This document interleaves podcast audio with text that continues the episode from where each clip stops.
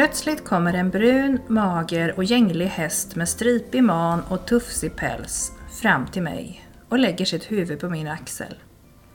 Jag känner hur han andas tungt och den varma luften som sipprar ur hans frostiga näsborrar värmer mig i nacken. Jag stryker honom över nosryggen, vidare upp i pannan och ut över ögonen. Han tittar på mig med en blick som jag inte kan förstå. Men det är uppenbart att han vill säga mig någonting.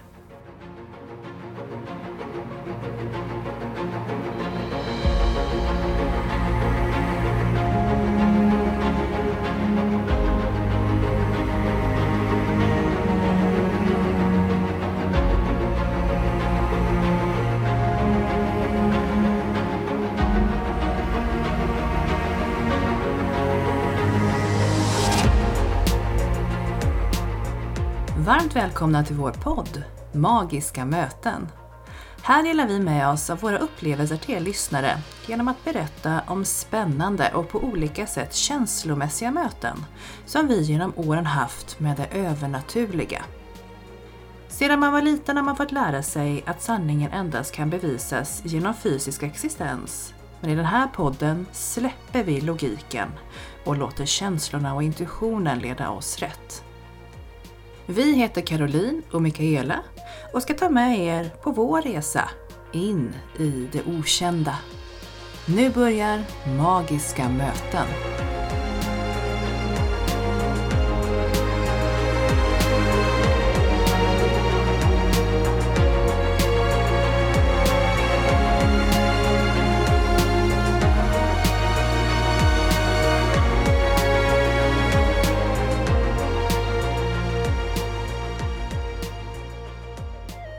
Idag har vi kommit fram till ett avsnitt som handlar om den här kontakten som vi får med en annan själ och hur den kan påverka oss och eh, hur vi kan kommunicera tillsammans. Idag viger vi avsnittet åt djur.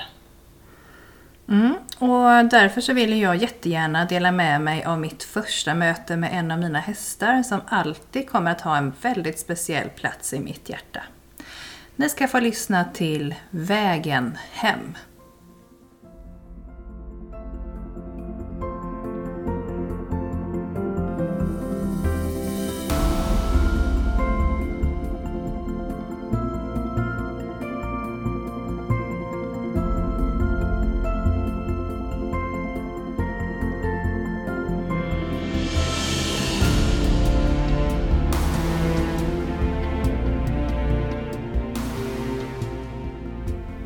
En bitande kall senvinterdag i mars. Ett sånt där år när isen låg kvar ända fram till maj och väntan på vårens annalkande kändes oerhört långt borta var jag på väg till ett stall där det säljs och köps många hästar. Jag åkte tillsammans med en vän som hade berättat att det nyss kommit in ett gäng med fina unghästar från ett av Europas största stuterier. Jag var egentligen med på grund av ren nyfikenhet och undrade vad det skulle kunna vara för speciellt med just sådana hästar. Där och då hade jag inga förväntningar och letade inte direkt efter någon ny häst. Vi närmade oss stallet och alla kringliggande marker var inramade med staket bestående av stolpar och vita elband. Det var hästar i alla hagar av olika storlekar, åldrar och färger. De flesta var rejält påpälsade med tjock vinterskrud och de såg lite luggslitna och väderbitna ut. Vi parkerade och tog oss först in i stallet, som även det var fyllt till bredden av hästar i alla skrymslen och vrår. In och utflödet av djur var som en ständig strid ström. De flesta hästar hade inte bott där så länge och många skulle även snart vidare på nästa resa mot ett annat stall och förhoppningsvis ett nytt hem. Det var som en mellanlandning på väg till den slutgiltiga destinationen. Inne i stallet och ute i hagarna var det många hästar som letade efter nya ägare och längtade att komma till sitt egna stall som de kunde kalla sitt hem. Känslan av att se hästarna var egentligen inte dålig. De fick mat och tak över huvudet. Men det var tydligt att hästarna på gården saknade något. Något som alla behöver både människor och djur, närhet och någon som älskar dem. Vi fick promenera en bit över markerna för att komma fram till hagen där den lilla flocken med unghingstarna gick, som vi var där för att titta lite extra på. De var bara ett och ett halvt år gamla och hade färdats långt genom Europa för att komma hit. Hästarna var mer vilda än tama och gick till en början inte att komma närmare än fem meter i hagen där de gick. Och på håll så såg de inte särskilt mycket ut för världen. Dessutom regnade det småspik och blåste på tvärsen, precis som det kan göra innan vintern släpper sitt grepp och låter våren spricka igenom. Vi kände att det inte var mycket vidare värt att stå där och titta på hästarna längre, utan tänkte vända tillbaka när ett par av hingstarna började närma sig oss. Plötsligt kommer en brun, mager och gänglig häst med stripig man och tufsig päls fram till mig och lägger sitt huvud på min axel. Jag känner hur han andas tungt och den varma luften som sipprar ur hans frostiga näsborrar värmer mig i nacken. Jag stryker honom över nosryggen, vidare upp i pannan och ut över ögonen. Han tittar på mig med en blick som jag inte kan förstå.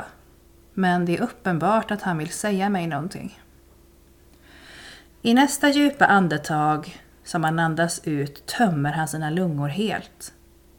Vi blir stående så en liten stund och innan han hinner andas in ett nytt djupt andetag säger han till mig, lika tydligt som att en människa skulle viska det i mitt öra. Ta mig härifrån. Jag kände att jag nästan frös fast där jag stod och blev som ett med den kärlfrusna marken. Aktiviteten i hagen nästan pausades och vi stod alldeles orörliga tillsammans under vad som kändes som en evighet. Det var som när filmregissören i en känslomässig scen drar ner till ultrarapid och man helt utelämnas blottad och sårbar i famnen hos någon man älskar. När vi efter evigheten skakades tillbaka till verkligheten där och då i hagen så var mina ben som gelé. Det var som att vakna upp ur en dröm när hästen lyfte bort huvudet från min axel, vände sig om och travade iväg med sina jämlika. På skakiga ben lämnade jag gården och försökte förstå vad som hade hänt. Även om det inte var planerat så var det meningen. Jag var tvungen att se till att hästen skulle få komma hem till mig. Det fanns ingen logik alls.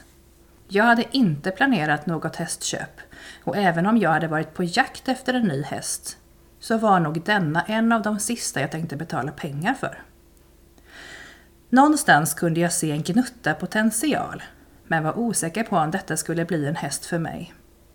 Hans guldklingande namn Feels Like Gold återspeglades absolut inte i hans utseende. Men det var samtidigt något speciellt med den här hästen som jag inte kunde sätta fingret på. Han var som den fula lilla ankungen som en dag skulle utvecklas till en vacker svan. Det förstod jag redan då. Därför fick han smeknamnet Svanen. Efter den dagen var han utan tvivel min häst och jag var hans människa. Någonting i vårt första möte var verkligen magiskt.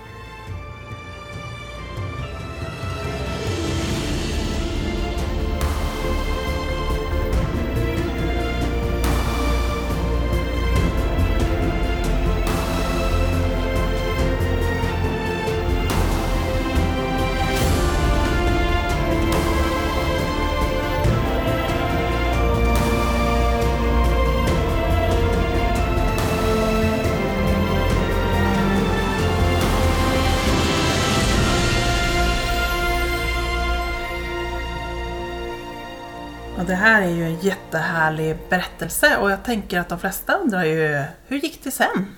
Efter ert möte, vad hände då? Ja, men efter mötet så våndades ju jag ett tag eh, kring hur jag skulle lösa den här situationen. För precis som jag beskrev så var ju inte min plan att bara helt plötsligt köpa en ny häst. Då bodde jag på en gård så jag hade möjlighet att, att ha en till häst. Men det finns ju andra förutsättningar som också behöver vara vara möjliga rent ekonomiskt och tidsmässigt för att ta hand om ett djur. Eh, men vi beslutade oss ändå för att försöka hitta en lösning för det så att svanen kom hem till oss och fick under ett par år tid att både växa och bli riktigt, eh, riktigt vacker. Eh, så att till slut så red jag in honom och vi hade några fina år tillsammans där vi ja, men hade trevligt ihop och verkligen trivdes i varandras sällskap. Sen som så många andra gånger så händer det saker i livet som gör att man har svårt att hinna med. Eh, och hästar kräver, som säkert många som lyssnar vet, oerhört mycket tid. Och med två små barn hemma och en hel gård och flera hästar att ta hand om så tog eh, familjen ett beslut om att faktiskt eh, ta en paus med hästeriet och, och hela gårdslivet. Eh, så det var en, en jobbig period utifrån just det här att det är så känslomässigt med djur. Och det är svårt att bryta med ett djur som man har ett sånt här speciellt band till. Eh, men jag valde att lämna honom till en, en annan tjej som tyckte precis lika mycket om honom som, som jag fortfarande gör. Och hon älskar honom till och med kanske ännu mer än vad jag gjorde. Så han lever ett fantastiskt liv idag och, och har det superhärligt utan att han är i mina ägor. Ja, fint. Mm. Det är ju väldigt skönt att han har fått det så bra. Vi har ju hälsat på honom så vi vet ju ja. hur gott han har det. Ja. Eh. Och det som är lite roligt, jag var hälsade på honom för inte sådär särskilt länge sedan. Eh. Men då låtsades han som att han inte såg mig. han vände rumpan till och gick iväg i hagen så att eh, inte förrän eh, den eh, nuvarande ägaren kom och fångade in honom så var han intresserad av att hälsa. Nej, nej, nej. Man får ju ha lite integritet. Det är viktigt. Ja. Jag vet ju att du har haft eh, många djur i din ägo, men jag vet ju också att du har haft en hund som har varit lite speciell. Mm, det har jag haft. Som också haft en del att säga. Ja, jag kan väl eh, berätta att på ungefär samma sätt som med svanen så kom den här hunden in i, i mitt och min mans liv ganska så abrupt en dag när vi satt och letade och sa att nej men vi vill nog ha en hund i vårt liv. Så vi hittade en omplaceringshund som var oerhört rädd och ja, tuff att hantera. En liten, om en mm. bitsk hund. Men mycket handlade om att han var oerhört rädd och hade med sig mycket traumatiska upplevelser i livet. Eh, och efter att ha kommunicerat med den hunden med hjälp av ett medium bland annat så, så fick jag ju fram att eh, de här traumatiska upplevelserna som han kunde beskriva och berätta gjorde ju att vi kunde förstå hans beteende till mångt och mycket. Ja, för det var ju så att han, han betedde sig konstigt när ni skulle sova. Ja. Det var ju en av de sakerna. Ja, det var det.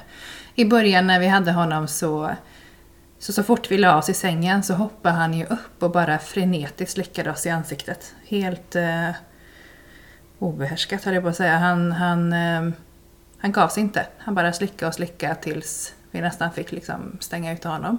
Det var ett beteende han hade som vi nog kunde förklara sedan med att eh, den förra ägaren hade gått bort i hans närvaro. Och, och han hade nog varit lämnad med den här ägaren, det var en gammal, gammal dam, under en, en relativt lång tid innan någon upptäckte det och hittade eh, den här människan som var hans förra, förra matte. Eh, så att han var rädd för att vi skulle gå och lägga oss och inte vakna igen. Nej, så därför ville han liksom hålla oss vakna och uppe. Ja, stackars lille vän. Mm. Ja. Så det var väl en, en sak. Eh, och sen så kunde vi väl också, han kunde också berätta att innan han hade hamnat hos den här damen då, eh, som vi fick ärva honom av, eh, så hade han också bott hos en familj en kort period. Där han inte hade blivit sådär jätteväl behandlad utav barn som gärna hade sprungit upp bakom honom och liksom fångat honom och lyft honom. Så han var väldigt rädd när man kom framförallt bakifrån och lite ovanifrån och försökte klappa och sådär. Då kunde han ju bli nästan aggressiv och hugga till en början. Eh, så det var mycket, mycket träning för att få honom att bli trygg i det. Ja. Han var ju en väldigt liten hund, men, ja. Eh, men han gav ett väldigt stort eh, avtryck, ja. tänker jag. Jag vet ju att du har haft många speciella djur och jag tänkte höra lite grann om din första häst. Ja, min lilla Ester. När jag var sex år gammal så minns jag så väl, då satt jag i badkaret hemma och så kommer mamma in och så säger hon så här. Men du Caroline, du vill inte ha en liten häst? jo, tack, det vill jag väldigt gärna. och sen åkte mamma och morfar och jag och köpte eh, två små shetlandsponnyer varav Ester var den ena och hennes son Pontus var den andra. Eh, och Ester var en mycket speciell dam. Eh, en vit, eh, bestämd och egensinnig eh, häst med mycket egna idéer och tankar. Och hon visste att hon kunde bestämma över, över en sexårig flicka. Det hade hon liksom koll på. Så att så fort vi var ute och red och mamma gick före så stannade Ester åt och så fort mamma vände sig om och sa Ester så fortsatte hon att promenera. Ehm, och dessutom så berättade mamma flera gånger att när vi hade varit ute så var det ju inte så att jag sa att åh, jag tyckte det var så roligt utan Ester, hon tyckte, idag tyckte Ester det var roligt att vara ute och rida. Så att hela tiden återspeglade jag Esters upplevelse av Mm. det vi gjorde tillsammans. Som att du kommunicerar lite extra med henne då? Ja, men jag tror det.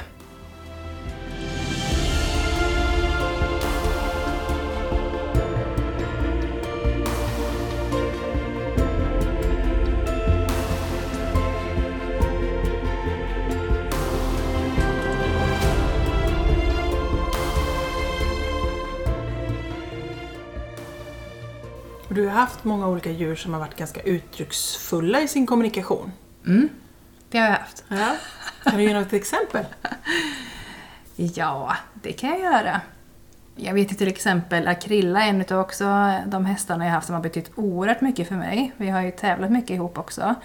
Eh, vi, kunde ju, vi behövde ju nästan inte prata, jag behövde nästan inte styra henne på hoppbanan utan vi bara, vi var ett. Vi kunde enkelt läsa av varandra och förstå varandra. Och vi vann så mycket tävlingar ihop och vi var så glada tillsammans. Men också det här att när hon då var lite upprörd och arg någon gång, när hon inte tyckte att eh, hon var rättvist behandlad eller hon var lite upprörd till exempel om hon fick vänta i hagen en timme extra någon gång för att jag var sen hem. Då marscherade hon upp och ner längs med staketet med hårda bestämda steg och liksom bara frusta. Så när man väl kom till stallet och då var hon så upprörd. Och då var hon lite sur dessutom så då ville hon helst inte eh, att jag skulle vara i närheten. Då kunde jag gå. Bara hon fick sin mat då så räckte det för den dagen. Hon var väldigt tydlig med vad hon tyckte och vad hon tänkte. Mm. Vad tänker du att, att det betyder för en att ha djur? Vad betyder det för dig att ha djur i ditt liv? Det betyder jättemycket för mig. Eh, mer än vad jag ibland kanske vill inse. Jag, jag mår jättebra i djurs närhet. Det är svårt att förklara men det, det är någon, någon form, jag tror att det också hänger ihop med den här kommunikationen, att det är enkelt. Alltså jag förstår, vi förstår varandra utan att vi behöver prata så mycket alltid. Det tar inte energi att vara med djur utan man blir bara påfylld av ny energi. Eh, har man haft en skitdålig dag så finns det ju inget som kan få en att må så gott som att gå till stallet och bara stå och klappa på en häst. Och, och det i sig är ju svårt att förklara varför men det bara, det bara är så och jag tror att det är det många som upplever. Oavsett om man umgås med hästar eller hundar eller katter eller vad man nu har för djur i sin närhet. Eh, samma som också många upplever att vara i naturen och det, det är man ju kanske mer om man dessutom har djur att ta sig ut i naturen tillsammans med. Så det tänker jag, det är, det är någon form av läkning eller process i att man behöver hämta energi, tänker jag. Så där, där tror jag att jag mår väldigt bra utav djur. Jag upplever ju att jag har en familj som också tycker väldigt mycket om djur och det är viktigt. Eh, min äldsta son är ju den mesta djurälskaren jag känner. Eh, Medan min yngre son kanske inte riktigt är där. Det ligger inte riktigt i hans personlighet men där har jag ju varit jättenoga med att säga att han måste ha djur i sitt liv. För att han också behöver lära sig eller få med sig i sin uppväxt hur man hanterar djur och ehm, att det är en viktig del för mig eller för oss att, att ha dem runt omkring. För att det ger så mycket. Och man lär sig också att visa både empati och, och förmåga att eh, inte sätta sig själv alltid i första rum, rummet utan man, ja, jag tror att man eh, blir en mer empatisk människa om man får växa upp med djur. Man får ta mycket ansvar också, tänker jag. Och lära sig det. Och ta ansvar för någon annan och se till att den får mat och vatten och promenader eller komma ut eller vad den nu behöver då. Vilken typ av djur man nu har. Mm. Ja, men jag tänker det. Så det, Det ligger mig väldigt varmt om hjärtat. Djuren i min närhet. Jag tänker att människor och djur har ju ett speciellt band och ibland så tänker man ju så här uttrycket sådan husse, sådan hund. Det stämmer väldigt väl överens ibland när man träffar eh, djuret och dess ägare. Eh, Men ibland kan det ju också vara så att man ser att djuret och ägaren kanske inte är den bästa matchen för varandra. Man kanske har tagit sig vatten över huvudet och köpt en hund som har sådana egenskaper som är tuffa att hantera om man inte är så van. Eh, kanske att, att uppfostra djur eller hundar. Eh, det kan ju också vara så att, ehm, nu refererar jag mycket till hästar då, att man som ryttare har en häst som man kanske inte riktigt klarar av eller reder ut. Vad, vad gör man då? Ja, alltså det händer ju att jag blir kontaktad redan innan någon ska köpa en häst. Att eh, kan du titta på de här hästarna eller de här videorna, vem, vem skulle jag passa bäst ihop med? Och det är ju väldigt smart för då kan jag ju liksom läsa av energin både på människan och hästen och se att ja, men det här kan bli bra. Men jag kan ju lika ofta se att och det här blir ingen bra matchning. De, den här hästen är för känslig för den här typen av människa eller de här kommer inte klicka. Eh, och det är ju jättebra, men det händer ju också att jag kommer ut i, i kommunikation. Det är oftast med hästar eller hundar ska jag säga. Men framförallt hästar. Eh, där matte eller husse och hästen kanske inte passar så bra för varandra. Och det vet ju hästen om. Oftast i de situationerna. Och då brukar vi försöka ta upp ett samtal kring det. Att kanske finns det någon annan som passar bättre och det kanske finns en, en häst som, som passar dig bättre. För det här, ni matchar inte riktigt liksom. Fast man får ju säga det på ett väldigt fint sätt. Men, men ofta så brukar ju matte eller husse redan ha känt det själv innan. Eh, och kanske också är det en anledning varför man vill ta ut någon och prata med hästen och, och så. Eh, och i hundar är det ju oftast kanske någon som, som är ganska, som inte är så van och som har köpt sig en ganska komplex och svår hund. Och där får man ju också försöka tipsa om bra hundcoacher och att man kan gå på kurser och att man får liksom, ta hjälp i sin omgivning. Eh, f- för där är det väldigt sällan som jag kanske skulle råda att man liksom, gör sig av med hunden. Men en häst som man kanske lägger ofantliga summor på och där man kanske vill ha en, en liksom tävlings och tränings, en arbetskamrat, för det är nästan det det blir.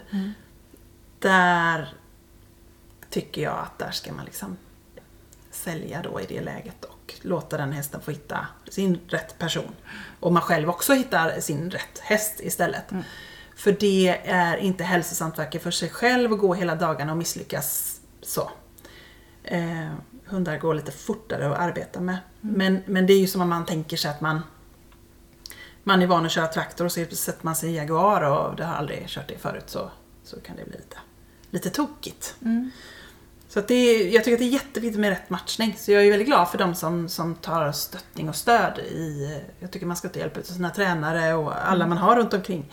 Men ehm, Och förekommer det så att man vet att det blir bra? så att det blir bra, så att man gör ett rätt köp. Det, det svåra kan jag tycka det är att en del vill gärna veta hur djuret mår. Och rent allmänt tillstånd kan jag väl prata om hur man mår och sådär, hur man har det och kanske man inte gillar sin boxgranne eller vad det kan vara. Men jag är ju definitivt inte veterinär och kan liksom inte rådgöra i sådana frågor och jag kan inte heller eh, djuret kan ju säga ja men jag har ont i magen precis som ett barn kan säga jag har ont i magen. Men man går ju till doktorn för att veta vilken typ av ont i magen det är. Ja. Och detsamma behöver man ju göra om man, om man har ett djur som inte mår bra. Men jag vet ju också att du har avrått för vissa, från vissa hästköp där du har sett att den här hästen har ont till exempel på vissa ställen där Ja. har sagt att mm, Eller obotliga skador eller Ja. sånt som, som... Då är det ju onödigt att köpa på sig problem. Ja. Så är det ju. Det tycker jag. Så att eh, kan jag se sånt så, så gör jag ju det. Men, eh, men som sagt, framförallt handlar det ju om kommunikationen och liksom energin mellan häst och ryttare eller mellan husse och matte och djuret. För att de ska passa ihop så att det Det blir bra passa för alla. ihop och må bra och så.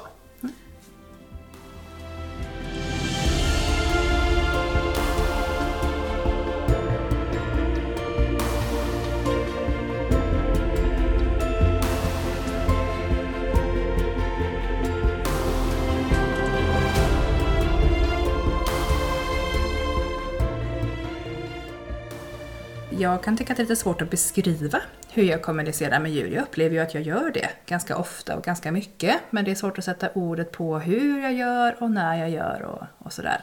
Ehm, mm, du jobbar ju bland annat som djurkommunikatör. Vad, vad innebär det och hur, hur gör man egentligen?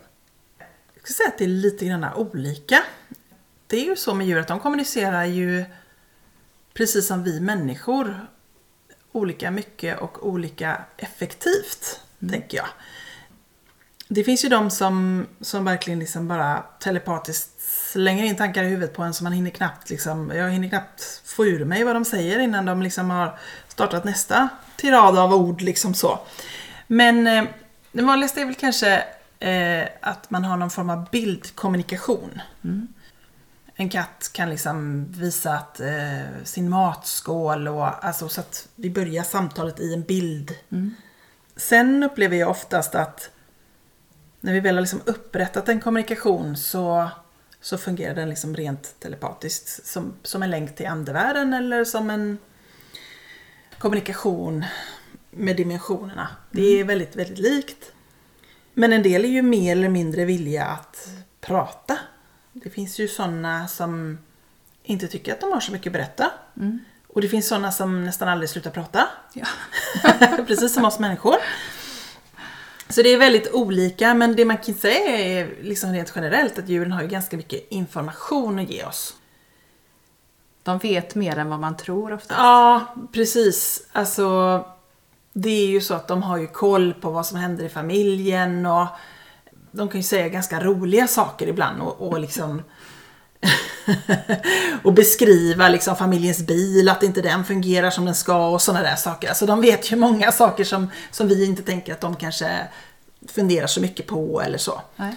De vet hur, hur, barnen har det i skolan och de vet hur vi har det på våra jobb och de vet hur vi mår och hur vi ser ut. Alltså de lever ju med oss och det är mm. klart att de har en ganska klar bild av vilka vi är. Mm. Och sen är det ju också väldigt många djur som upplever att de är ju här för ett syfte, de är ju här för att stötta oss och finnas för oss. Många tar ju på sig den liksom rollen att vara som ett helande, läkande eh, stöd för oss. Jag tänker i den här historien som jag pratar om när jag och Svanen möts för första gången. Tänker vi att det var meningen, att det var vi och där eller vad var hans syfte att träffa mig eller vad var mitt syfte att träffa honom? För någonstans så sa det liksom bara klick, det var ju bara vi där. Så upplevde jag det. Jag tänker att han kände det som att han kom hem. Och mm. det kände du också. Mm. Ni var två själar som möttes och ni var häst och människa. Eh, eh, men det kunde varit två människor som hade mötts som man ändå, mm. ändå hade känt den känslan. Mm. Jag tror att det är liksom ett sånt själsligt möte, det, det är som att komma hem. Och det kände ni båda två.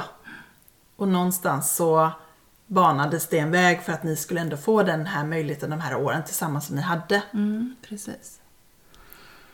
Det är ju så att det kommer ju många olika själsmöten till en i livet på olika sätt och vis. Och man behöver dem mm. för att växa och för att utvecklas och för att man ska komma vidare i livet. Mm. Även om vägarna skiljs åt så behöver man ju det. Ja, men precis. Och det är som du säger att olika djur kommunicerar på olika sätt eller är olika kommunikativa. Hur, eh, hur lätt eller svårt är det för dig, tycker du, att prata med ett djur? Det finns ju djur som säger nej. Jag vill inte prata.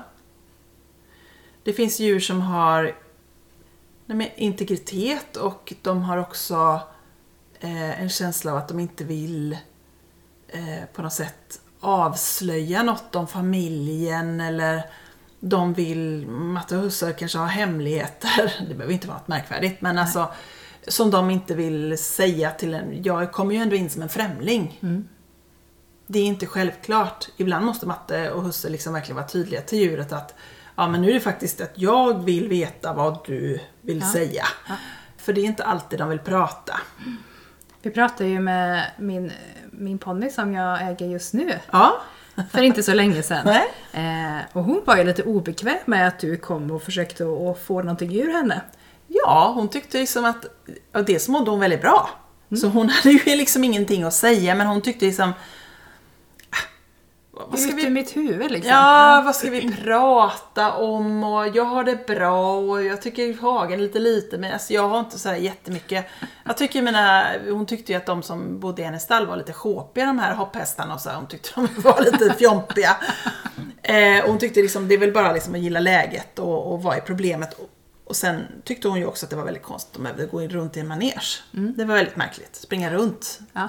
Märkligt. När Längs man, kan med gå, väggarna. när man kan gå ut. så hon hade ju ganska bestämda åsikter men hon var ju inte så kommunikativ att hon ville prata jättelänge. Nej. Hon kände att, ja, vad vill du och varför? Mm. Jag svarar men jag är tacksam när det är över så jag kan få komma in och äta. Ja. Lite så. Ja, men lite så. Och sen finns det ju andra djur som, är, som nästan ropar efter dig. Ja. Att kan du bara komma så jag får berätta det här nu. Ja. Tack. Och ofta är det så, till exempel att man kommer in i ett stall och så ska jag prata med en häst. Då är det ju ganska många andra som bara Men hallå, ja då? Och jag då? Och jag då? eh, och sen är det sådana som bara vänder, vänder på rumpan och bara Nej tack. Så det är ju väldigt olika. Och det är väl precis som vi människor. En del är ju mer eller mindre sociala. Och så tror jag en del tycker att det är lite spännande. Oh, här kom det någon som vi kunde liksom tala om saker och ting för. Hur kommunicerar djur sinsemellan då? För nu har vi beskrivit ganska mycket hur djur och människor kan kommunicera på olika sätt. På samma vis. Och det kan ju vara roligt när man är runt i stall och så, för ibland så lägger de ju sig i. Om jag står och pratar med en häst så kan ju en annan häst som lägger sig i till exempel. Ja. Eh, och så kan ju även hundar eller katter eller så göra. Lägga sig i lite grann. Nej, så är det inte alls. Jag gör inte alls så. Det är inte alls jag som alltid är först i matskålen eller sådär. Alltså, så det, det, det kan ju vara lite roligt. Det, det blir ju lite så som vi människor, liksom lite syskontjafs nästan, mellan Ja. djur som bor tillsammans och så. Eh, så det är ju lite komiskt.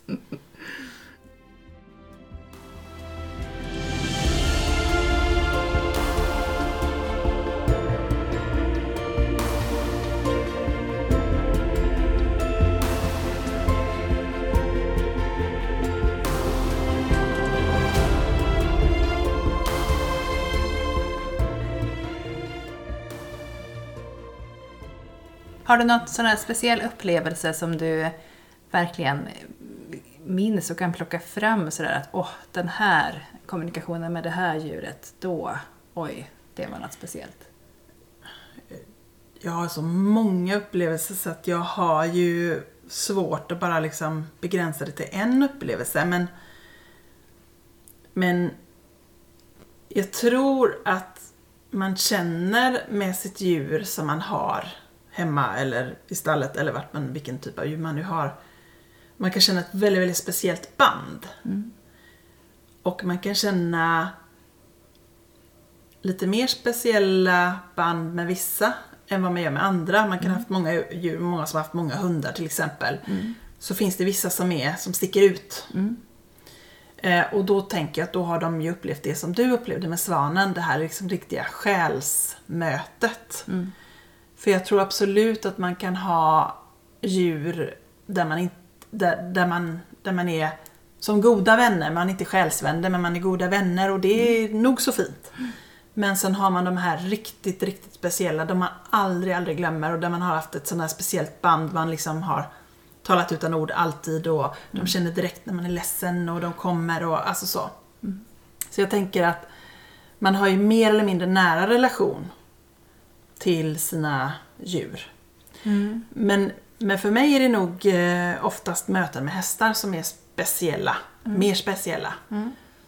Skulle jag få välja liksom ett djur så skulle jag definitivt välja häst framför de andra. För att jag tycker att de, de är ganska höga i sin energi och de kommunicerar väldigt tydligt.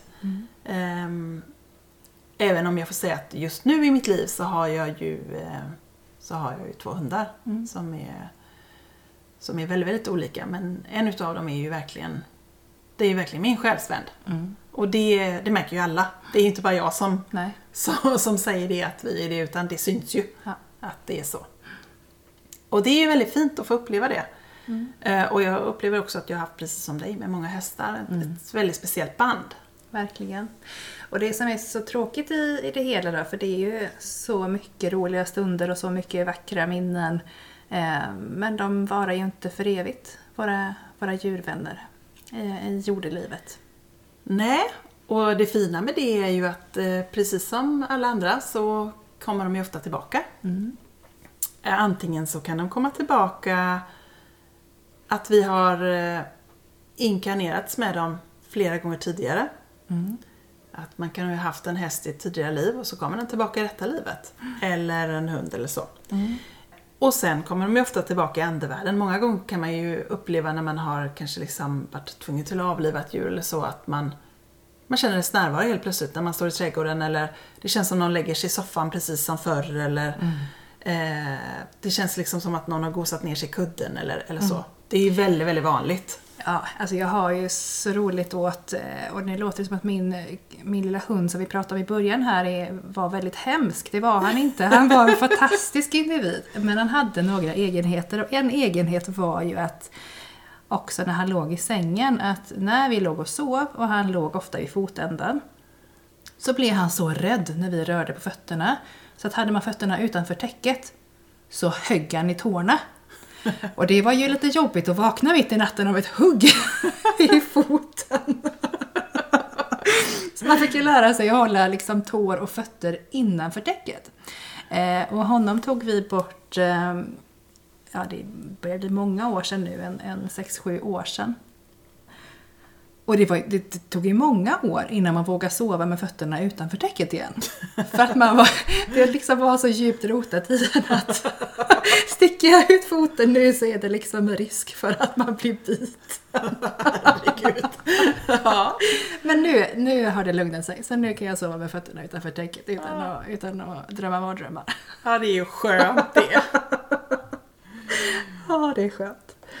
Men det är ju alltid både jättejobbigt eh, men också på ett sätt lite skönt när man får ta, ta farväl av sina nära och kära liksom i djurvärlden. Eh, ibland är det ju jättejobbiga beslut att ta men samtidigt så, så är de också viktiga. Absolut. När man har djur som till exempel är sjuka eller har blivit så gamla så de inte riktigt orkar med det. Men jag tänker att det kan ju vara nästan en lika stor sorg att mista ett djur som att mista en människa. Nu låter jag kanske jätteraljerande men... Eh, För många är det ju en ännu större sorg att missa, mista ett djur än att mista en människa. Och många har ju kanske bara ett djur också i sin... Liksom, då blir det ju väldigt tomt hemma när, mm, när den går bort eller blir sjuk eller mm. så. Det finns ingen, eh, ingen värdering i det utan om man älskar ett djur eller människa mest, det spelar ingen roll. Det viktiga är att man har någon i sitt liv, tänker jag.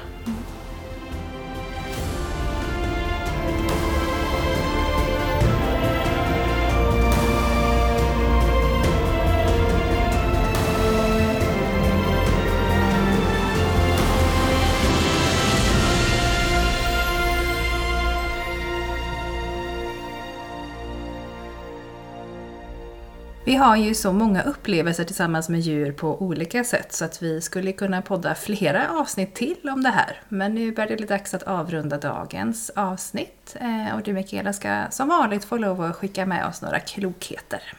Ja, själsliga möten ger oss en känsla utav hemma, att hitta det vi söker.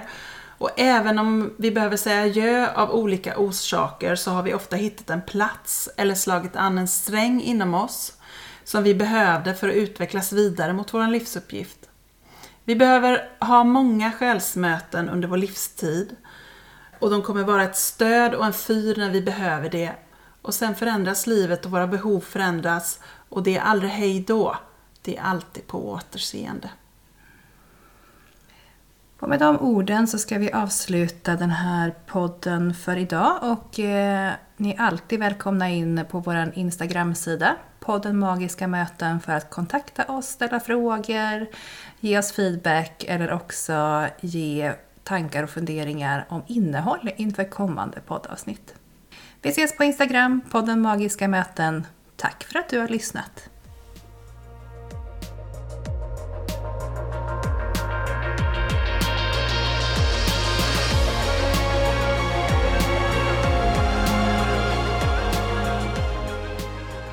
Sedan man var liten har man fått lära sig att sanningen endast kan bevisas genom fysisk existens. Men i den här podden släpper vi logiken och låter känslorna och intuitionen leda oss rätt. Tack för att ni har lyssnat på Magiska möten.